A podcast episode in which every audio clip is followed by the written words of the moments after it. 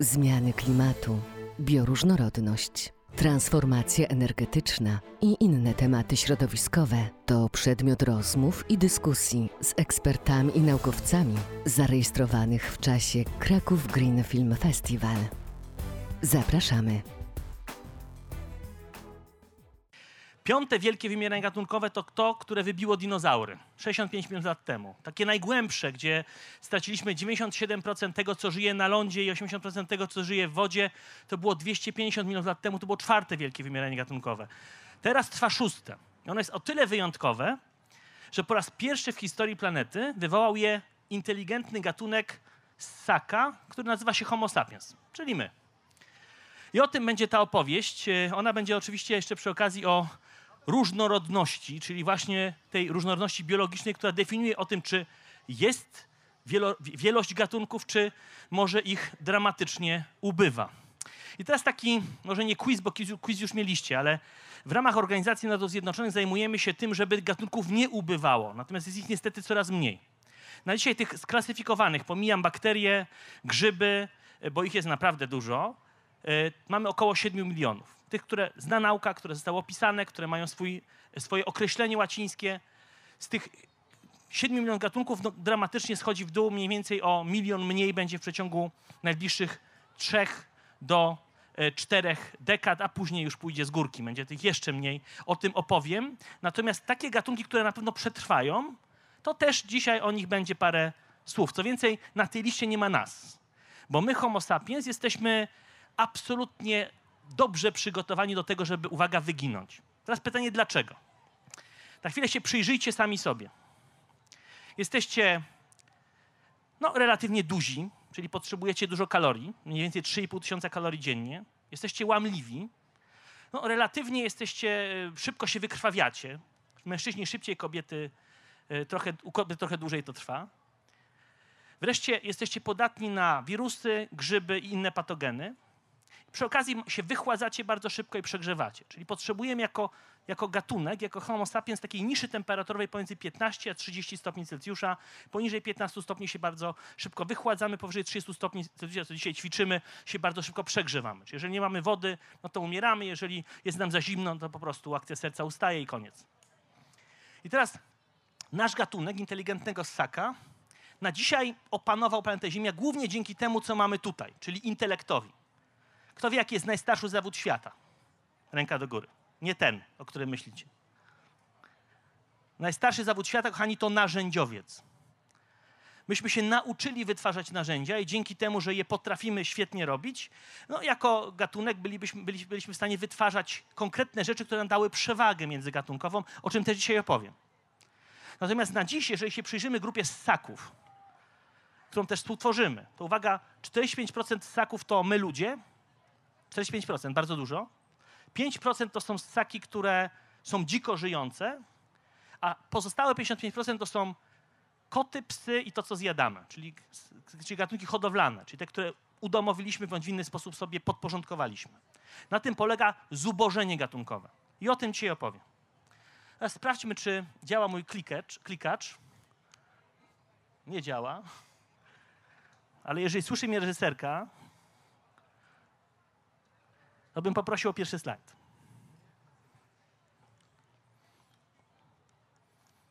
Próbuję w różne strony. Nie, ale kliker nie działa. No to potrzebuję pomocy reżyserki, żeby jednak mi te slajdy zmieniała. E, ale słuchajcie, idę dalej, bo generalnie to, o czym wam dzisiaj opowiem, już działa? Nie, jeszcze nie. A, dobra, dobra. Ja tu będę próbował co jakiś czas. To na czym mi zależy, to żebyście też na chwilę sobie wyobrazili planetę Ziemia. Kulka we wszechświecie, jedyna, którą znamy jako zamieszkała, też my na niej jesteśmy. Teraz kto wie, ile lat ma planeta Ziemia? Jacyś chętni? Ile? Brawo, dokładnie 4,6 miliarda lat. To jest trudno sobie wyobrazić, nie? To jest strasznie dużo. Natomiast jeżeli sobie przyrównamy 4,6 miliarda lat historii planety do 46-letniej kobiety, to jest to łatwiej sobie wyobrazić. Więc teraz wyobraźcie sobie 46-letnią, piękną kobietę, która nazywa się Ziemia. Ok? Wszyscy sobie to wyobrażamy. Teraz, od kiedy jesteśmy my ludzie? Od 200 tysięcy lat. Teraz w historii planety Ziemia, te 200 tysięcy lat, w ramach tych 46 lat tej kobiety, to jest jedna sekunda. Czyli myśmy od jednej sekundy pojawili się na planecie Ziemia, czyli dla niej my jesteśmy takim, coś ją podrapało po plecach, to my. I teraz pytanie, czy my w ogóle sobie, wiecie, tą kolejną sekundę tutaj pobędziemy. No nie wiadomo. To jest jedno wielkie, jedna wielkie, jeden wielki znak zapytania dla naukowców, czy tak źle przystosowany do przetrwania gatunek, jak my, ludzie, y, będziemy w stanie funkcjonować długo y, na planecie Ziemia, tak długo jak, uwaga, przysłowiowe komary. Kto wie, ile żyje komar? W sensie, jak długo jest na planecie? Nie trzy miesiące.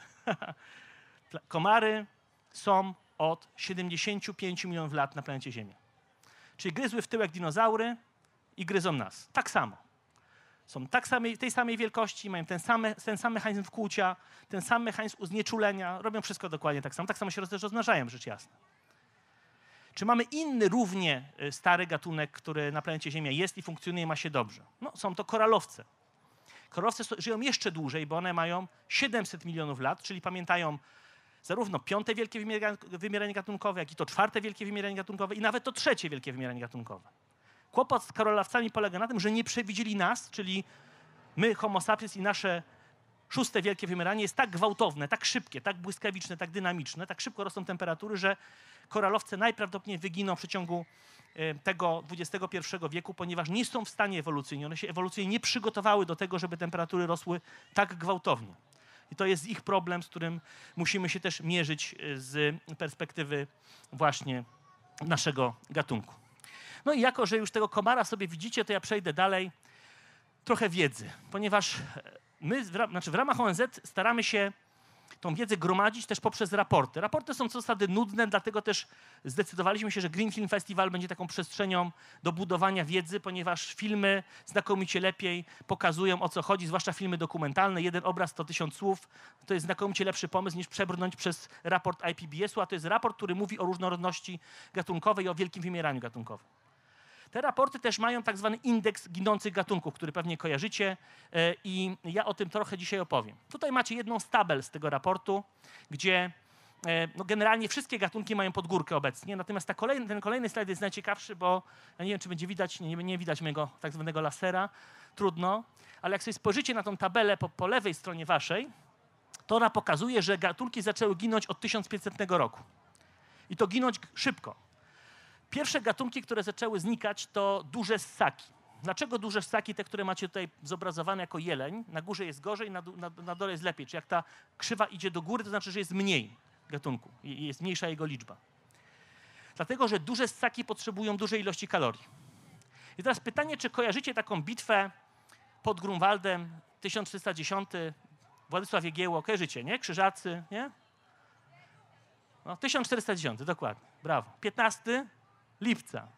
Brawo, widzę, że tu mamy prymuskę. A która godzina to była? To też historycy wiedzą. To była 13.30 mniej więcej. Ale, ale to na, na, zostawmy na boku.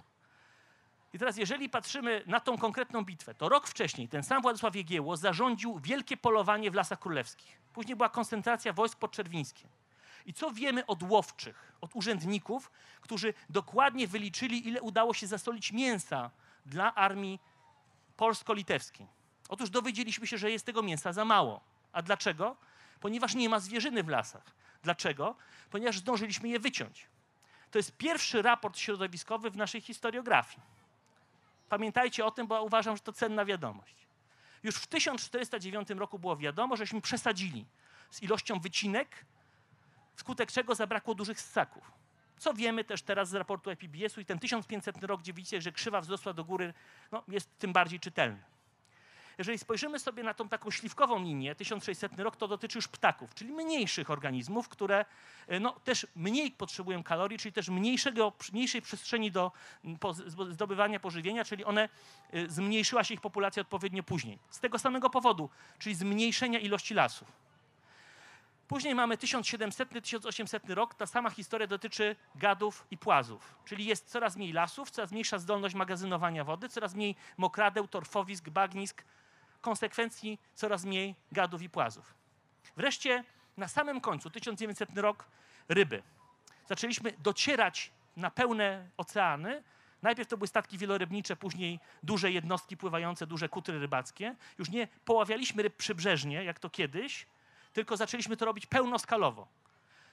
I dokonaliśmy wielkiego przełowienia łowisk, czyli zadbania o to, że oceany nie są w stanie odtwarzać odpowiedniej ilości ryb i innych organizmów morskich. No i w ramach tego przesadzenia mamy w tej chwili wielkie szóste wymieranie gatunkowe. Oczywiście ono jest znakomicie bardziej wielowątkowym zjawiskiem, ale, ale y, mam mało czasu, więc tylko opowiadam pokrótce. Tutaj no, słońce nam trochę przeszkadza, ale mam nadzieję, że to widać. To jest zdjęcie wykonane przez NASA. To jest taki program w ramach NASA, on się nazywa NASA Earth Observatory. To jest program, który, który bardzo blisko z nami w, w, ramach systemu Z współpracuje, gdzie w ramach tego programu dokładnie wiemy na przykład, gdzie ludzie mieszkają. Tutaj macie chociażby zjawisko planetarnego zanieczyszczenia światłem. Czyli widać światło widoczne z orbity okołoziemskiej. To zdjęcie, to, to jest zdjęcie wykonane z Międzynarodowej Stacji Kosmicznej, dokładnie wiadomo, gdzie to światło jest, czyli też, uwaga, gdzie są miasta, czyli gdzie mamy punkciki świetlne, które odpowiadają za ludzkie miejsca do życia. No i zobaczcie, jak ta sieć miejska jest nierównomiernie rozłożona. My zależymy od dostępu do wody. Przypomnę, woda słodka dla nas dostępna, to jest tylko 1% wody dostępnej na planecie. Cała reszta jest do nas niedostępna albo trudno dostępna, albo jest wodą słoną. I o tą wodę trzeba dbać. Teraz miasta są też rozłożone nierówno, dlatego, co już było powiedziane na początku dzisiaj, mamy różnie, to wygląda na różnych kontynentach. Najbardziej bogatym kontynentem jest Europa i dlatego tutaj 75%, 75% ludzi żyje w miastach i dlatego ten kontynent jest taki rozświetlony. Ale przede wszystkim to, co musimy wiedzieć, że jeżeli zależymy od niszy temperaturowej, a od tej niszy, czyli te pamiętacie 15-30 stopni, to tam są miasta. Ich nie ma na Saharze, zobaczcie. Nie ma na dalekiej Syberii. Nie ma w basenie Amazonii. One są dokładnie tam, gdzie je sobie ulokowaliśmy, bardzo mądrze to przemyślawszy, bo jest tam dobra temperatura, przewidywana temperatura, dużo wody, dużo żywności. W konsekwencji jesteśmy w stanie się wyżywić populacyjnie. Uwaga, to się właśnie skończyło. Czyli w ramach zmiany klimatu już nie ma przewidywalności, zwłaszcza jeśli chodzi o temperaturę, już nie ma przewidywalności, jeśli chodzi o dostęp do wody i zacznie się wielka relokacja ludzi z uwagi na to, że ta sieć osadnicza, którą, na którą patrzycie, no ona jest już nieaktualna. Trzeba będzie to wszystko przemyśleć od nowa. A to trwało. Teraz, jak ludzie się przemieszczali? No tutaj macie całą historię. Przypomnę, 200 tysięcy lat temu zaczęliśmy w środkowej Afryce. Oczywiście mówię o Homo sapiens, bo nie mówię o neandertalczykach czy pozostałych pięciu podgatunkach człowieka. Trochę nie mam na to czasu, więc skupię się na, na nas, na, na, na, człowieku myślącym. Myśmy zaczęli w środkowej Afryce głównie, w środkowej Afryce głównie dlatego, że tam było, uwaga, zresztą do dzisiaj, tam jest ciepło, tam jest dużo e, e, żywności, tam jest też sporo wody, i też przypomnę dla tych, co nie pamiętają, mamy trzy płuca Ziemi. Basen Amazonii, Środkowa Afryka i y, y, trójkąt Indonezja, Malezja, Tajlandia w, y, w Azji. W tej Środkowej Afryce mieliśmy się tak dobrze głównie dlatego, że i też byliśmy w stanie się zgrupować najpierw w małe, małe grupy, zaczęliśmy mieszkać w jaskiniach, później ujarzmiliśmy ogień, też byliśmy w stanie wytwarzać narzędzia, żeby lepiej, efektywniej polować. Głównie dlatego, że uwaga, byliśmy jednym z wielu pozycji w menu było na tyle dużo innych zwierząt, że drapieżniki zdecydowały się, że człowieka nie będą jedli. Bo jest kościsty, mniej mięsisty, szybciej ucieka, no różne powody, nie? Ale generalnie to dzięki bioróżnorodności przetrwaliśmy.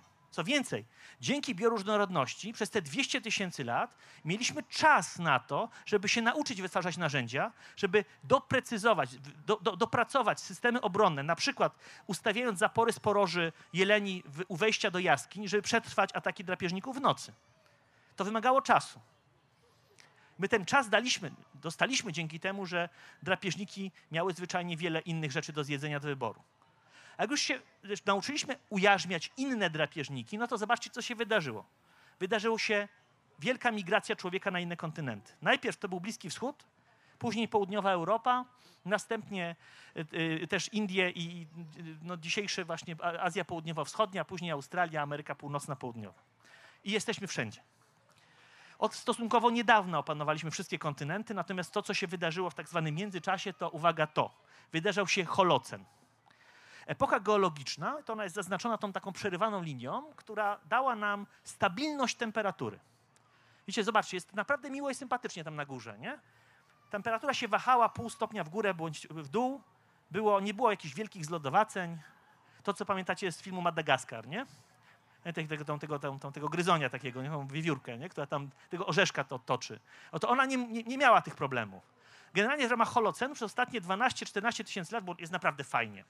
Co więcej, ta przewidywalność temperatury, ona jeszcze dała nam inną fajną rzecz, że byliśmy w stanie planować. Wiedzieliśmy, że na tym konkretnym terenie, wokół Babilonu, wokół Rzymu antycznego, jesteśmy w stanie tyle wytworzyć żywności, żeby się wyżywić. Przypomnę, trzy, cztery y, y, wieki temu, przecież nie było biedronki i żabki lokalnej, nie? Zapomnijcie o tym. Trzeba było wytworzyć żywność na miejscu, żeby przeżyć. Jeżeli się jej nie wytworzyło, to był głód, choroby i wszyscy umierali. Więc od tego holocenu bardzo wiele zależało. I teraz uwaga, holocen ma swoją logikę. To jest jak sinusoida temperaturowa, czyli holocen powinien mniej więcej za jakieś 2000 lat doprowadzić do stopniowego schłodzenia temperatury. Tymczasem mamy gwałtowny jej wzrost. Czyli z punktu widzenia fizyka atmosfery, klimatologa e, czy, czy, czy geologa, no, mamy do czynienia z anomalią. Czyli nie powinno być tego zjawiska, które właśnie, którego właśnie doświadczamy. Jak chociażby dzisiejszy upał. Przypomnę też dla tych, co lubią bardziej polskie instytucje, a nie y, międzynarodowe, są i tacy, to mamy taką szacowną instytucję, Instytut Meteorologii i Gospodarki Wodnej. To Instytut Meteorologii i Gospodarki Wodnej też ma tak zwane mapy wodne i przy okazji ma tak zwany system pomiaru temperatury. Od 1950 roku do 2000 lat nie było w Polsce temperatury powyżej 30 stopni Celsjusza. Dlaczego? Ponieważ mamy klimat, czy mieliśmy klimat umiarkowany chłodny. W XXI roku, wieku mamy takich, te, takich dni z temperaturą powyżej 30 stopni już kilkanaście w skali roku. I to jest oczywiście znowuż dla naukowców anomalia, dla nas ludzi staje się to normalne. Mamy szybką zdolność do adaptacji. Czyli zapominamy, że, zwłaszcza dzieci nasze, nie? jeżeli mamy małe dzieci, to one nie pamiętają tego, że 35 stopni, 32 w Krakowie to jest w sumie dziwne. No. Dla nich to jest ciepło, no trudno, tak? Ale widać, chyba tak zawsze było. Otóż nie. Jest to ewidentnie, jest to ewidentnie anomalia. Podobnie jak anomalią jest trwający w, Pol- w Polsce y, kryzys wodny, w szczególności klimatyczny, zaburzony klimatyczny bilans wodny. O tym też parę zdań powiem, jak starczy mi czasu. Natomiast tutaj chciałem wam zwrócić uwagę na chwilę na to poniżej. Zobaczcie, ile dobrego się wydarzyło dzięki Holocenowi. Cesarstwo Rzymskie, cywilizacja grecka, imperium Inków, Majów, Azteków, y, predynastyczny Egipt, wreszcie my, cywilizacja człowieka, e, którą pamiętamy z lekcji historii. Głównie oparta o Europę i taką fenomenalną rzecz jak wielka rewolucja przemysłowa. Ale ona oczywiście ma jedną wadę. W ramach wielkiej rewolucji przemysłowej nauczyliśmy się przemysłowo spalać paliwa kopalne, nie wiedząc o tym, jakie to przyniesie konsekwencje dla e, wzrostu temperatur, czyli dla wychylenia tego wykresu, tej, krzy, tej, tej, e, tej linii przerywanej i zakończenia gwałtownie ery Holocenu poprzez powstanie tak zwanego antropocenu, czyli epoki geologicznej, która cechuje się absolutną dominacją człowieka, jest datowana symbolicznie na rok 1850, czyli symbolicznie początek wielkiej rewolucji przemysłowej. I teraz jedziemy dalej. Jako, że my się lubimy rozmnażać, no wszystkie gatunki lubią, my ludzie też, to krzywa populacyjna, na dzisiaj to jest nas 8 miliardów, jak wiadomo, ona będzie i rośnie, ona będzie rosła i rośnie.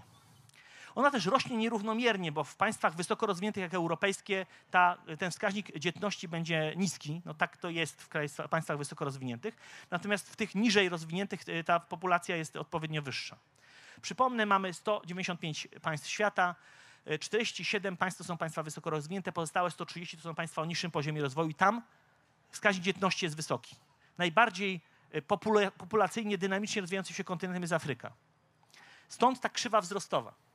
Jeżeli w 2100 roku będzie nas 11 miliardów, może 13 miliardów, no to pytanie, czy będziemy w stanie wytworzyć dla tych wszystkich ludzi energię. A przypomnę, że ta wielka rewolucja przemysłowa, na którą patrzycie, to jest symboliczny rysunek, ona dała no, różne rzeczy, w tym wielkie maszyny.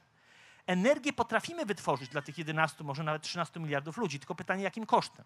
No, konsekwencja tego wytworzenia, to akurat macie wielką koparkę w kopalni węgla brunatnego w e, Niemczech, no musimy, no tutaj macie te koszty, no musimy te koszty policzyć i to są emisje. Emisje głównie mm, związane z emisją dwutlenku węgla, e, podtlenku azotu i metanu, natomiast zobaczcie, co się wydarzyło po tym 1850 roku. Jest gwałtowny wzrost, najpierw zużycia węgla, później ropy, a następnie gazu. I to się nie zatrzymało. To cały czas leci do przodu, w konsekwencji mamy emisję dwutlenku węgla, które galopują, no i w konsekwencji mamy to. To jest krzywa wzrostu temperatur, która jest podstawą do każdego szczytu klimatycznego ONZ, który mamy co roku. W tym roku będzie w Dubaju, w zeszłym roku był w Egipcie, w Sharm el-Sheikh. To nas bardzo niepokoi, bo w gronie naukowców jest y, pogląd, y, i to uwaga, on jest dla aż 78% naukowców, którzy uważają, że zmiana klimatu jest niezatrzymywalnym fenomenem. Reszta to są tak zwani optymiści w tym gronie, którzy twierdzą, że może jakoś damy radę to powstrzymać. Temperatury sięgną mniej więcej 8 stopni w roku 2300. 8 stopni więcej. To jest bardzo dużo, to właściwie oznacza nie tylko, że wielkie szóste wymieranie, tylko najgłębsze wymieranie w historii planety. Dlaczego tak trudno jest ten wzrost temperatur powstrzymać? No głównie, kochani, dlatego, że jeżeli sobie wyobrazicie dwutlenek węgla, e, który też wydychacie, ale który też jest efektem spalania e, no, każdej e, gałązki czy, czy, czy, czego, czy węgla w piecu, to to jest jedna z najtrwalszych cząstek. Ona nie rozpada się samoczynnie. Ją trzeba byłoby wychwycić z powietrza i zmagazynować, na przykład w skale. Czyli jeżeli dokładamy do atmosfery cały czas kolejne jednostki dwutlenku węgla, no to mamy przerąbane, bo one się akumulują. Na dzisiaj, jak się znowuż patrzy na tabelę NASA, to poziom uznawany za bezpieczny, żeby wam to zobrazować, to jest 350 jednostek, na dzisiaj mamy 421 już. Czyli jest no, o, o dużo za dużo. I problem rosnących temperatur jest y, no, wielowymiarowy też dlatego, że tutaj y, trochę może wyglądać skomplikowanie, ale to szybko wytłumaczę. No, nie mamy pomysłu, jak uciec od, od, od, od zużywania energii. Teraz wyobraźcie sobie na chwilę globalne gniazdko elektryczne. Ja lubię też ten przykład, bo takie wiecie, gniazdko planetarne, nie? Z prądem. To ono, upraszczam oczywiście, ono w 80% jest z ropy, węgla i gazu, mniej więcej 7% to jest energetyka jądrowa, a pozostałe 12 to jest, 12-13 to jest, e, to, jest e, tak zwane, to są tak zwane odnawialne źródła energii, czyli tak zwana zielona energia. Jeżeli 80% to są kopaliny, to znaczy, że jesteśmy w głębokim uzależnieniu od paliw kopalnych jako ludzkość. To jest nasz problem. Musimy sobie z tym poradzić. I teraz, jeżeli spojrzycie na te dwa scenariusze, to ten po lewej, zobaczcie na kolorki czarny, zielony i czerwony, to jest właśnie ropa, węgiel i gaz. W obu modelach on jest silną podstawą dla wytwarzania energii przez ludzi na, w perspektywie roku 2060 i też niestety dalej. Czyli nie mamy pomysłu na to, jak rewolucyjnie dokonać przebudowy tego gniazdka elektrycznego, na, jeśli chodzi o za, zabezpieczenie energii dla cywilizacji ludzkiej. A koszty energetyczne rosną. Dlaczego rosną? Bo jest nas coraz więcej. Z każdym kolejnym urodzonym człowiekiem koszty energetyczne rosną, ponieważ każdy człowiek konsumuje energię, też niemowlak. Nie? Tak po prostu jest. Trzeba go wyżywić, nakarmić, w sensie ubrać, przewinąć, wykąpać. My też dorośli tego potrzebujemy. W konsekwencji zużywamy energię, każdy z nas. Im nas jest więcej, też te, te, tym to zużycie energii jest większe, w konsekwencji te rosnące słupki zużycia energii w obu e, modelach i niestety, co najgorsze, e, no właśnie te mechanizmy wytwarzania zielonej energii są niestety za słabe. A tymczasem łatwość dostępu do ropy jest bardzo e, kusząca, nęcąca. Ona po prostu jest. Co więcej, my się nauczyliśmy jej wydobywać, do perfekcji opanowaliśmy jej spalanie, jest też jej e, zwyczajnie zużycie, wydobycie jest najtańsze. Też mamy e, całą długą listę państw, które ten surowiec posiadają. Teraz zagadka dla każdego z was, wskażcie demokrację, nie? Bo to są nasi rozmówcy na szczytach klimatycznych ONZ. To jest cholernie trudne zadanie się z nimi dogadać. Bo wszystkie te państwa, w szczególności niedemokratyczne, one nie chcą rezygnować ze, z wpływów ze sprzedaży ropy, węgla i gazu bo to jest bardzo duży udział w ich PKB. I to jest nasz główny problem, który, e, który jest związany z negocjacjami klimatycznymi. Wreszcie, kto emituje najwięcej? No też zobaczcie, gdzie jest Polska, bo jest na 21 pozycji całkiem wysoko. Natomiast te państwa, które emitują najwięcej na dzisiaj, to oczywiście Chiny, USA, Indie, Rosja, Japonia, Niemcy, Iran, Arabia Saudyjska, Korea, no i to macie całą, całą długą listę. Z nimi musimy rozmawiać, żeby ograniczono te emisje też w Polsce. Wreszcie koncentracja dwutlenku węgla w atmosferze, słynny archipelag Mauna Loa na Hawajach, tam gdzie teraz są pożary, ta koncentracja dwutlenku węgla, ona od Mieszka pierwszego macie wykres, tak, do, do, do, do dzisiaj, no, skoczyła do góry i to skoczyła do góry, do góry gwałtownie. My zresztą te, tę koncentrację dwutlenku węgla mamy, mamy, wiedzę o niej mamy na, do, do 700 milionów lat wstecz mamy całkiem niezłe pomiary w oparciu o słupy lodowe, czyli pęcherzy powietrza uwięzione w lodzie. Czyli dokładnie wiemy z tych pęcherzy powietrza, co, było, co jest w środku, czyli wie, mamy skład chemiczny tych pęcherzy powietrza, też wiemy, ile było tego dwutlenku węgla, też ciekawa informacja i wiedza, można sobie to prześledzić, ale tu wam od Mieszka pierwszego pokazuje, o co chodzi. Było stabilnie i cholera tą stabilność szlak trafił na etapie właśnie 1850 roku i później, czyli rewolucji przemysłowej. To też dla niedowiarków, bo pytanie, czy wydarzyło się coś innego? Czy przylecieli na Ziemię kosmici? Czy pojawił się jakiś, przepraszam, Mesjasz koło 1850 roku, który coś zmienił w atmosferze? No nie. To myśmy zadbali o to, że zaczęliśmy wytwarzać paliwa kopalne, e, przepraszam, spalać paliwa kopalne i wytwarzać emisje. Wreszcie PKB per, e, PKB per capita, gdzie te, dzięki temu pa- paliwom kopalnym było najwięcej, było najwięcej bogactwa. No, największego bogactwa było w Europie i Ameryce Północnej. Tam rzeczywiście to, tak akumulacja kapitału była największa. To wam o, o, odpuszczę, bo to trochę nudne. Skończę na tym. Teraz, kochani, jeżeli chodzi o nie wiem, jakieś światełko w tunelu, żebyśmy nie wymarli, tylko żeby y, te komary miały kogo gryźć w tyłek, nie? czyli w sensie najlepiej nas stał cieplne staki, w szczególności homo sapiens. To żebyśmy przetrwali, to musimy zmienić to. Czyli musimy tą naszą globalizację, którą najlepiej się obrazuje poprzez globalne sieci transportowe. Tu macie miasta zaznaczone, drogi, macie e, szlaki morskie i macie e, transport lotniczy. Gdzieś tam w tle są oczywiście koleje. One muszą przestać być na ropę. W przypadku statków na mazut, najcięższą frakcję ropy, która jest silnie zasiarczona. Żeby tego dokonać, czyli żebyśmy mieli samochody na wodór, bądź samochody elektryczne, bądź, sam, bądź kolej na zieloną energię, samoloty, które są elektryczne bądź wodorowe i wreszcie, żebyśmy mieli statki, które są wodorowe, a nie na mazut, to musimy dokonać wielkiej klimatycznej rewolucji przemysłowej, technologicznej. Uwaga, dobra wiadomość. Mamy to. W sensie potrafimy wytworzyć samoloty elektryczne. Taka nowość i ciekawostka. Norweska firma sprzedała 100 samolotów elektrycznych dla Air Canady i dla SAS-u w tym roku. E, One mają zasięg 800 km i zabierają na pokład e, mniej więcej 30, 25-30 osób. To nie jest tak, że nie ma tego rodzaju urządzeń. Podobnie jak są już budowane statki na wodór. Mamy już kolej, która jest w stanie jeździć przecież na prąd, który może być zielony. No i na koniec e, rzecz, na koniec patrząc, mamy też całkiem przecież imponującą rewolucję w motoryzacji, w szczególności jeśli chodzi o samochody wodorowe. Patrz Toyota Mirai czy samochody elektryczne, długa lista marek. Czyli da się. I z tym was trochę zostawię, bo już mi pokazują, szanowni tutaj organizatorzy, że muszę schodzić ze sceny, bo ten obrazek chciałbym, żeby z wami został. Ponieważ to, że coś kupujecie w Żabce czy Biedronce jest obciążone śladem węglowym. I to dużym. Ostatnie wyliczenie Uniwersytetu Humboldt- Humboldta, jeżeli chcielibyście kupić podstawowe produkty żywnościowe, które macie w sklepach, to większość z nich byłaby droższa o 80 albo 160%, w zależności od produktu, jeżeli, mielibyśmy, jeżeli byśmy doliczyli do niego ślad węglowy. Nie liczymy tego, ponieważ dotychczas ludzkość po prostu się trochę boi e, prawdy, jak dokładnie wygląda koszt ekonomiczny tego, że jeździmy, bardzo upraszczam, na węglu, ropie i gazie. To trzeba zmienić, bo inaczej e, to globalne e, ocieplenie nas po prostu wykończy i komary na tym skorzystają. Bardzo Wam dziękuję za uwagę. Dziękujemy za wysłuchanie Green Festival Podcast. Więcej rozmów z ekspertami znajdziesz na portalu VOD greenfestival.pl w zakładce podcast.